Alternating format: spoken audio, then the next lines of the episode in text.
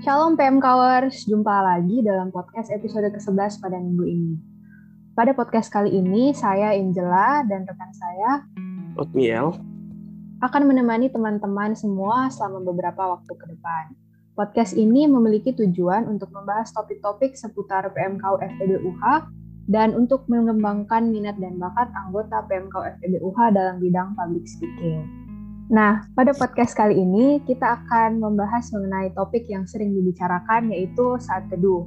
Tapi uh, mungkin masih ada teman-teman yang bertanya apa sih sebenarnya artinya saat teduh itu? Nah, jadi di podcast episode ini kita sudah kedatangan narasumber kita yaitu Kak Etni dari jurusan akuntansi tahun 2015. Halo Kak Etni. Halo, salam. Salam. Nah, jadi karena kita sudah kedatangan narasumber, mungkin langsung saja kita mulai ke tanyanya. Jadi untuk yang pertama nih Kak, mungkin kan dari teman-teman pendengar ini, mungkin ada beberapa yang kurang tahu secara pasti apa sih itu saat teduh. Jadi bisa tolong jelaskan dulu Kak, apa sih itu saat teduh menurutnya Kak nih? Ya, terima kasih Otniel, Angela. Sama-sama belajar ya tentang kalau mungkin tema ini kita lebih belajar tentang firman Tuhan. Nah, kalau untuk saya sendiri saat teduh itu sarana di mana saya bisa membangun hubungan pribadi dengan Tuhan. Nah, mungkin kan ada yang namanya ibadah di gereja, ibadah persekutuan. Nah, saat teduh ini kalau untuk saya secara pribadi itu saat di mana saya benar-benar membangun hubungan pribadi saya sama Tuhan, bagaimana saya lebih mengenal Tuhan, bagaimana saya bisa lebih merenungkan kebenaran firman Tuhan, dan bagaimana saya bisa lebih memahami apa keinginan Tuhan dalam kehidupan saya. Nah, jadi setelah kita tahu apa artinya itu saat teduh, mungkin selanjutnya kenapa sih saat teduh itu penting buat kita orang percaya, Kak? Oke. Saat teduh itu penting karena untuk bisa mengenal Tuhan itu kita perlu waktu secara pribadi, benar-benar secara pribadi, benar-benar kita mengambil saat di mana kita mau mengerti kehendak Tuhan dalam kehidupan kita, saat di mana kita benar-benar mau mencurahkan hati kita atau kita mau curhat sama Tuhan atau kita mau tahu lebih dalam apa visi kita dalam pelayanan di dunia ini. Jadi benar-benar saat teduh itu penting untuk membangun relasi kita dengan Tuhan dan untuk mengerti apa yang menjadi keinginan Tuhan dalam kehidupan kita. Oh begitu ya kak, iya ya berarti memang uh, saat teduh ini penting sekali karena itu sarana kita untuk kita curhat sama Tuhan gitu ya kak. Iya, benar. Jadi mungkin kan kalau saat kita beribadah, anggaplah kita beribadah persekutuan. Nah, mungkin saat itu kita punya masalah. Tapi uh, ketika kita beribadah persekutuan itu misalnya kita lagi punya masalah nih, masalah besar. Terus kita mau nangis gitu, mau curhat sama Tuhan kan gak enak, maksudnya agak gimana gitu kalau menangis depan umum. Tapi ketika kita mengambil saat teduh, kadang kita cuma tutup mata berdoa ataupun kadang kita nggak ngomong apa-apa gitu. Cuma tutup mata saja tiba-tiba kita mungkin kita merasa kalau Tuhan sedang ada sama kita kita merasa kalau dia lagi benar-benar kita punya pengharapan di dalam Tuhan dan ketika kita mengambil waktu yang betul-betul pribadi dengan Tuhan, sesuatu yang kadang kita tidak mengerti, kita tahu oh ternyata ini maksud Tuhan, sesuatu yang kadang kita pertanyakan oh kita mengerti oh ternyata ini yang Tuhan rencanakan dalam diri kita. Wah kak betul betul berarti uh, satu itu sangat penting sekali ya kak. Jadi kita dalam satu itu kita bisa juga kayak mendengar jawaban Tuhan atas doanya kita gitu kan.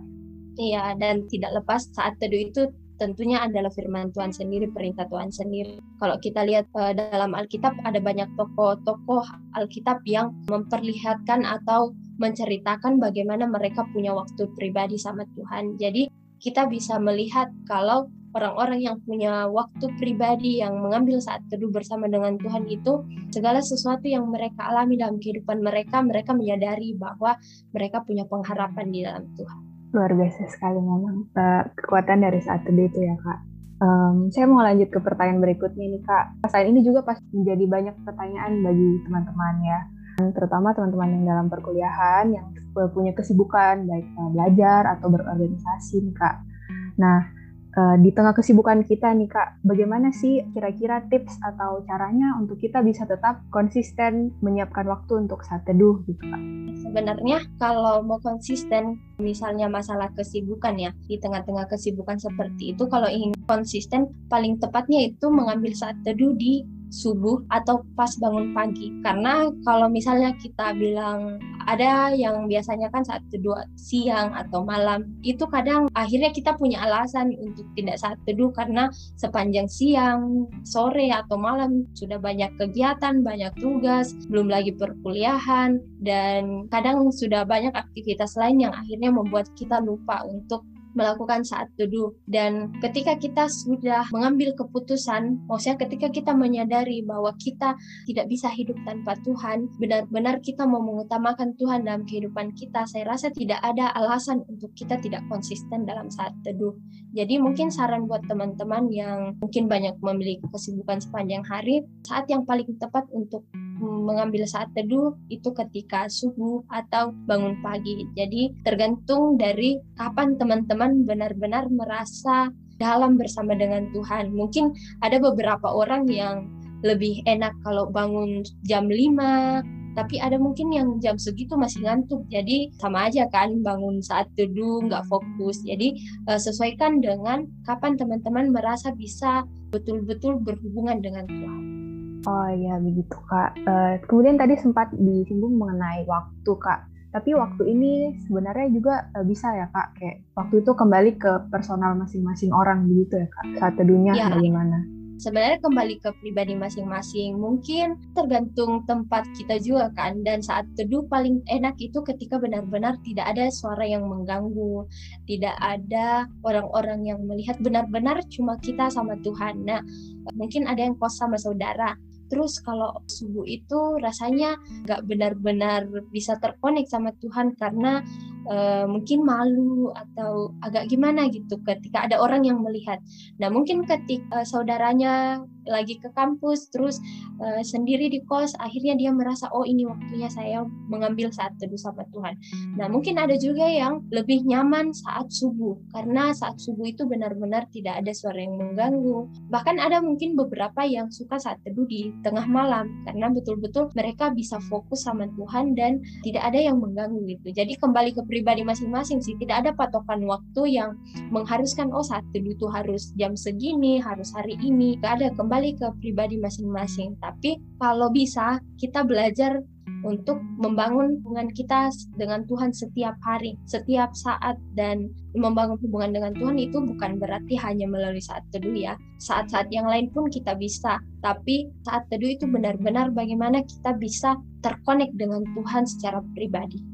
Terima kasih untuk uh, tipsnya untuk bersatu teduh. Jadi kayak yang dibilang ya tadi, mungkin kita kan sebagai mahasiswa ini banyak kesibukan, entah itu kuliah atau organisasi dan lain-lain. Dan saat teduh ini kan kita harus konsisten ya kak. Iya. Nah jadi karena kita harus konsisten, mungkin ada saat-saatnya kita itu merasa jenuh gitu kak untuk bersaat teduh. Jadi hmm. mungkin bisa dibagi dulu kak pengetahuannya tentang mengatasi kejenuhan saat teduh tadi. Terima kasih Abnil. Nah jadi begini, sebenarnya kalau saya kembali ke dasar kita, kenapa kita bersaat teduh? Kita bersaat teduh, kita beribadah sama Tuhan, kita berdoa sama Tuhan, itu bukan karena hanya rutinitas saja betul-betul oh karena harus konsistensi nih jadi setiap pagi saya harus bangun jam 5 untuk saat teduh nah kalau pemikiran kita seperti itu itu memang akan membuat kita jenuh ya. Nah mungkin sama lah dengan perkuliahan. Setiap hari Senin saya ada kuliah ini jam segini. Nah, kalau kita menjalaninya hanya karena rutinitas, hanya karena keharusan, suatu saat akan banyak masalah yang membuat kita jenuh sama yang namanya saat teduh itu. Tapi kalau kita menyadari dasar dari kenapa kita beribadah, kenapa kita bersaat teduh, benar-benar karena kita mau Tuhan yang pegang kendali hidup kita, kita mau mengutamakan Tuhan dalam hidup kita, kita mau um, menyerahkan seluruh kehidupan kita ke dalam rencana Tuhan, saya rasa tidak ada alasan yang bisa membuat kita jenuh. Jadi kita harus menyadari dulu apa dasar kita melakukan ibadah. Apakah kita melakukan ibadah hanya karena rutinitas atau benar-benar karena kita menyadari kalau kita tidak bisa hidup tanpa Tuhan. Nah, Tuhan sudah kasih waktu 24 jam sehari. Rasanya kita terlalu bagaimana kalau uh, kita tidak bisa meluangkan waktu, memberikan waktu kita uh, untuk Tuhan untuk beribadah. Jadi ini kembali ke pemikiran teman-teman atau kesadaran teman-teman apa yang menjadi alasan teman-teman untuk beribadah kepada Tuhan. Oh ya baik kak. Berarti itu sebenarnya kembali ke konsistensi lagi ya kak. Kayak kalau kita sudah memang berkomitmen untuk mau bersaat teduh, seharusnya walaupun kita sedang jenuh, harusnya kita tahu gitu ya kak. Kalau misalnya kita jenuh, siapa yang harus kita cari gitu ya? Iya benar. Jadi kembali ke tujuan kita hidup di dunia ini ya. Maksudnya saya rasa kita semua punya satu tujuan, kita mau menyenangkan hati Tuhan dan kita mau hidup sesuai dengan kebenaran firman Tuhan. Jadi, kalau kita jenuh, mungkin ada waktu sebagai seorang manusia kita tidak terlepas dari kelemahan. Nah, mungkin ada beberapa waktu di mana kita merasa capek ah bangun pagi, capek ah gini. Tapi kalau kita menyadari kalau hubungan kita dengan Tuhan itu sangat penting, pasti kita akan termotivasi kembali untuk membangun hubungan kita dengan Tuhan melalui saat teduh. Oke Kak, terima kasih banyak atas jawabannya. Nah, saya mau bertanya ini Kak, e, gini Kak, kira-kira satu poin di kehidupan Kak Etni di mana di titik itu Kak Etni sadar begitu kayak, oh ternyata satu itu sepenting ini ya. Kira-kira mungkin bisa di-sharingkan Kak. Oke, saya mungkin lebih cerita ini mungkin tidak khusus ke saat teduh ya, tapi ibadah lah. Jadi dulu waktu SMA sebelum masuk kuliah itu pokoknya dari SD sampai SMA di kampung kan saya di kampung itu aktif sekali di pelayanan gereja. Saya puji Tuhan Tuhan percayakan talenta dan saya aktif di uh, bidang musik. Nah akhirnya tahun 2015 saya keluar dari Toraja saya kuliah. Waktu itu mungkin karena kita anak kampung kan datang di Makassar ke gereja sekedar pergi ibadah. Kasarnya rutinitas lah setiap hari minggu ke gereja tapi tidak terlibat pelayanan dan waktu itu banyak faktor termasuk mungkin malu, kemudian belum banyak kenalan di Makassar. Nah akhirnya ke gereja itu kadang betul-betul cuma karena rutinitas. Oh orang Kristen kalau hari Minggu ke gereja nih. Jadi hari Minggu ya ke gereja. Jadi pada saat itu kurang lebih dua semester atau tiga semester di awal saya kuliah di situ betul-betul pergi ke gereja pergi beribadah itu hanya eh, rutinitas tidak betul-betul karena saya sadar kalau saya mau melayani Tuhan, saya punya talenta, saya mau bersekutu dengan Tuhan, seperti itu. Nah, akhirnya di saat-saat itu saya merasa bahwa hidup saya itu betul-betul kosong, betul-betul kayak saya tidak punya siapa-siapa. Segala hal yang terjadi dalam hidup saya itu kadang saya merasa kok tidak ada yang peduli sama saya. Saya ini sendiri, saya benar-benar berjuang sendiri seperti itu sampai akhirnya waktu di kampung saya betul-betul aktif dalam semua kegiatan-kegiatan pemuda dan kegiatan gereja dan kegiatan latihan dan sebagainya. Nah, ketika di saat itu saya hanya pergi ke gereja satu kali dalam seminggu. Ibadah yang lain saya tidak ikuti, persekutuan saya tidak ikuti, dan waktu itu ikut di PMK juga ya ikut, maksudnya ikut seperti itu ya. Dan akhirnya eh, ketika saya menyadari kalau kayak ada yang salah nih dengan diri saya ada yang salah kenapa saya merasa seperti ini? Saya akhirnya berdoa dan akhirnya saya menemukan diri saya kembali. Saya menikahkan diri untuk terlibat dalam kegiatan di gereja di Makassar. Kemudian saya mulai kembali pelayanan dari uh, singers, guru sekolah minggu, dan saya kemudian ikut dalam ibadah persekutuan. Jadi itu yang ketika saya sudah membangun kembali hubungan saya dengan Tuhan, segala hal yang saya alami dalam kehidupan saya itu rasanya saya tidak sendiri seperti itu. Jadi Tuhan memang tidak pernah janji langit selalu biru, jalan selalu rata, tapi Tuhan selalu janji untuk menyertai kita dalam kehidupan itu walaupun kita sudah dikatakan orang yang benar-benar dekat sama Tuhan, kita tidak pernah terlepas dari masalah. Tuhan kadang izinkan masalah terjadi dalam kehidupan kita untuk melihat apakah kita setia, apakah kita taat sama Tuhan. Dan ketika kita sudah hidup dalam Tuhan, ketika kita sudah selalu membangun hubungan kita dengan Tuhan, ketika kita sudah mengenal Tuhan lebih dalam, apa pun yang kita alami itu kita akan selalu merasa sukacita. Kadang kalau kita mengalami masalah, oh hari ini saya mengalami masalah, tapi kemudian besoknya kita mengerti, oh saya mengerti kenapa Tuhan izinkan masalah ini dalam kehidupan saya. Ternyata itu untuk membuat saya lebih kuat.